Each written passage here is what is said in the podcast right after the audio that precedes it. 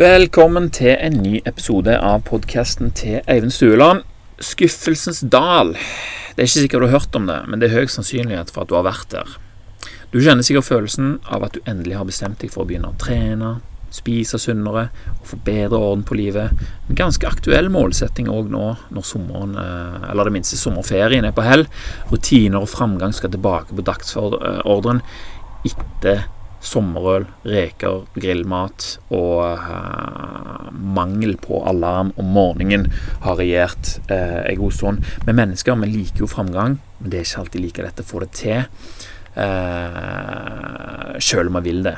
Og Det finnes veldig mange grunner til det, men å være klar over hva nye vaner krever av oss, og hva vi må tåle for at det skal slå igjennom, det kan hjelpe oss på utholdenheten når vi begynner å gå lei av at våre bestrebelser ikke ser ut til å gi det minste resultatet i det hele tatt. Sant? Vi føler vi fortjener noe, for vi har gjort noe lenge. Hvor blir resultatene av? Demotivert, og driter vi i det, reiser vi rett tilbake til gode, gamle vaner. Og så forsvant den framgangen der som vi egentlig hadde sett for oss.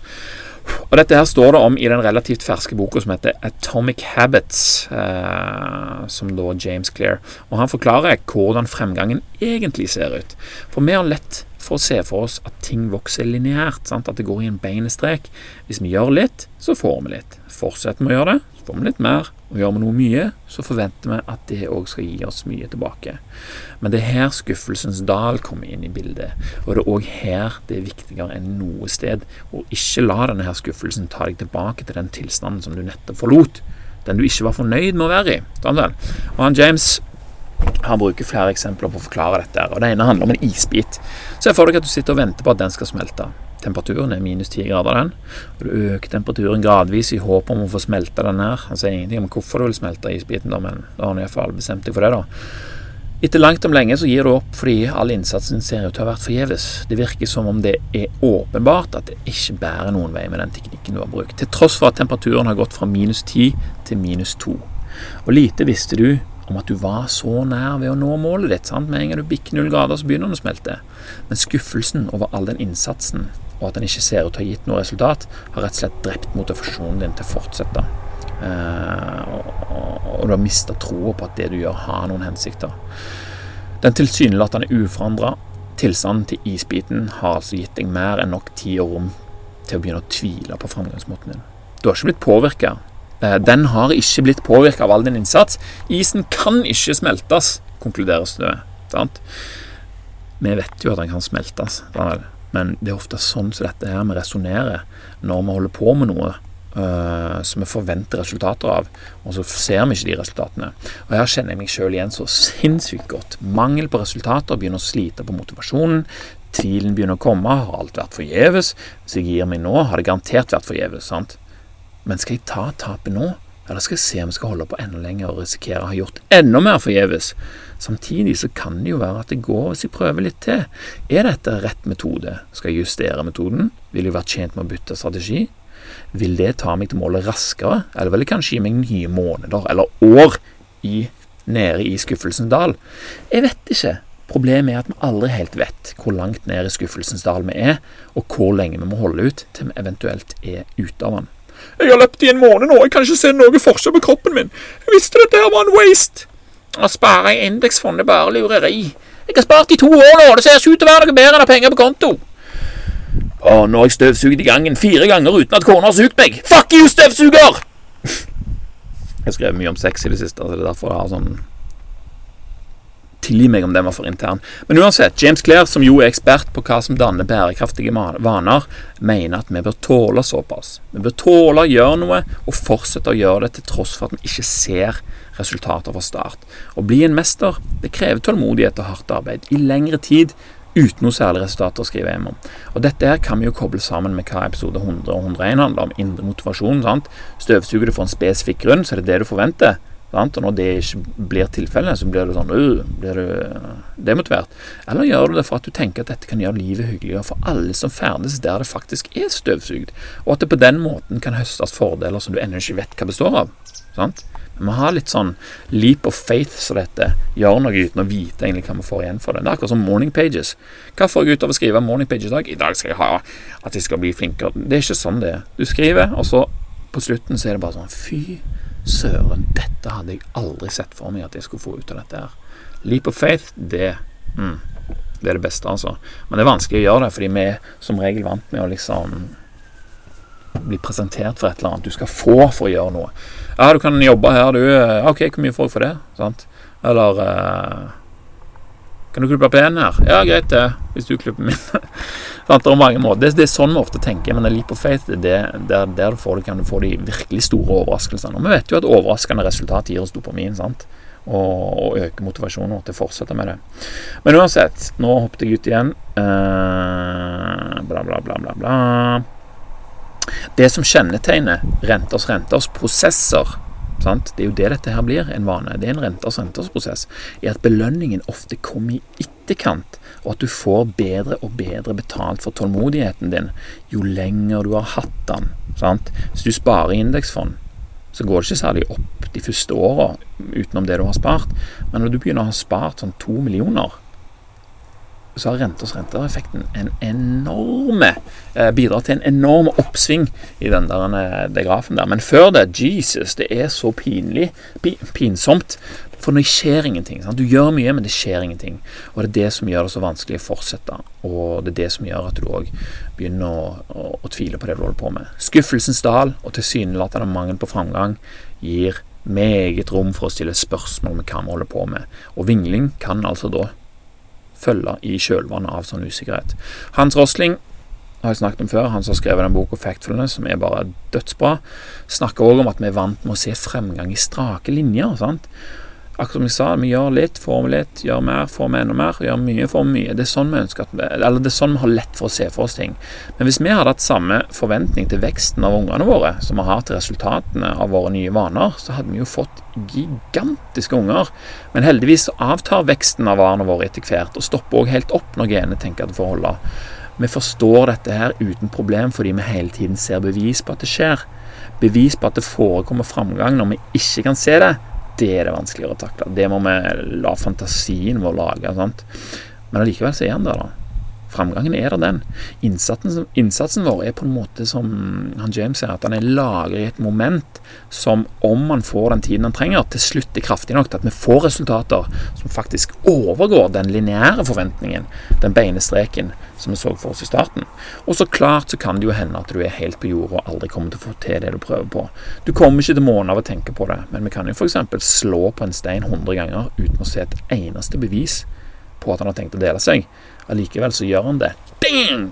Bang! Idet du når eh, Allikevel så gjør han det når kraften av alle de foregående slagene våre har dannet nok moment til at ett siste avgjørende slag deler steinen rett i to. Og klassikeren med det stria syltetøyglasset som ikke vil åpne seg, og innom nevene til hele familien uten å gi tegn til å rikke seg før grandtante Sofie åpne det uanstrengt. Det er vel òg noe vi kan kjenne igjen fra egne liv. sant? Vi må bryte gjennom det som James kaller for platået av latent potensial. Og det er jo det familien har utført for grandtante Sofie, sånn at hun får muligheten til å sole seg i glansen av å være den som ser ut til å ha egenhendig åpna det strie syltetøyglasset, som til og med onkel Sterke Tor måtte gi tapt for. Han forlot prosjektet i skuffelsens dal. Han tok tapet. Og det var um, voldsomt snakk om denne her dalen nå, men hva er skuffelsens dal? Skuffelsens dal er et rom mellom to linjer i et koordinatsystem. Lurer du på hvordan det ser ut? Det er alltid like kjekt å prøve å forklare bilder med ord, og det er jo en av utfordringene med å velge lyd som medium. Prøv å se for deg en X-akse for tid. X-aksen den, eh, den, går vel bortover, og så har du en Y-akse for resultat som går oppover. Og så har du origo da i midten, og så trekker du med en beinestrek på skrå opp mot høyre, ca. 25 grader. Den representerer, la oss si da, hva vi forventer å få ut av bestrebelsene våre. Og så lager vi en annen strek og den er den faktiske framgangen, som iallfall James kaller det. da. Den beveger seg først langs X-aksen bortover. sant? Den går ikke opp i resultatet i det hele tatt.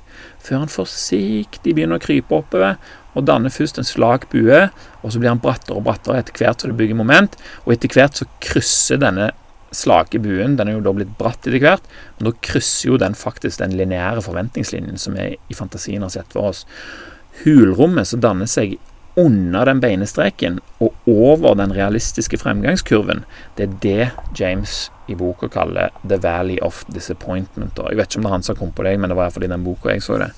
Og det er i denne dalen her resultatene våre ikke samsvarer med innsatsen, og det er òg der usikkerhet og tvil hersker. Tiden der vi legger inn masse hardt arbeid som ikke ser ut til å ha gjort noen ting for oss. Men fortvil ikke, det er det som er budskapet her. Alt arbeidet er ikke forgjeves, det er bare lagra.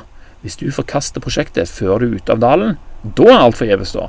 Men hvis du holder ut, så kan det hende du får mer i utbytte enn hva du noensinne tenkte deg. sant? For den, husk at den buen den krysser jo og stiger mye raskere og, og, og havner jo mye høyere enn den lineære veksten. Uh, og Det er ikke før mye seinere at den fulle verdien av arbeidet som vi har lagt ned fra starten, blir vist eller kommer til syne. Og Om du vil se dette med egne øyne, så er det ikke verre enn at du søker på 'Valley of Disappointment' på Google. Eller så kan du se bildet som jeg har lagt i teksten under episode nummer 103 på, på podkasten.no, som er denne episoden her. Men målet til den som lykkes, og målet til den som feiler, er jo det samme. sant? Det er alltid Hvis du skal springe et løp, f.eks. Alle vil jo vinne de har det samme målet, men det er ikke alle som kan lykkes. Noen må være best, eller noen har gjort noe som fører til at de klarer det bedre enn andre. da. De vil begge bli bedre og flinkere, og det er tankesettet og framgangsmåten som ofte teller her. Og vi mennesker vi har jo den unike evnen til å tenke langsiktig og inn i framtida. Men det betyr ikke at vi ikke kan bli demotivert av å innse hvor mye arbeid det faktisk innebærer å gå ned f.eks. 10 kilo eller klare å løfte 100 han Scott Adams, vet du, han mannen bak Dilbert, han har skrevet en fantastisk bok som tar dette her for seg. Han ber oss velge en metode som ikke innebærer fullt så mye sjøldisiplin og krangling mens egen lille djevel som sitter på skuldra og sier at du hadde det bedre i sofaen med chips og øl. Tenk i systemer og prosesser. Hvis du tenker i systemer og prosesser mens du befinner deg i skuffelsens dal, så er det ikke så galt å være der, faktisk.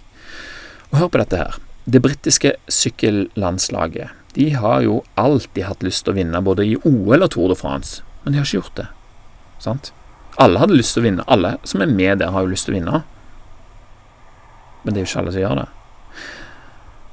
Britene hadde lyst til å vinne, de har bare aldri klart det. Og til og med produsent, Det var til og med sykkelprodusenter som nekta å la landslaget kjøpe sykler av dem i frykt for at det ville skade salget på syklene. Det sier litt om hvor eh, gode britene var.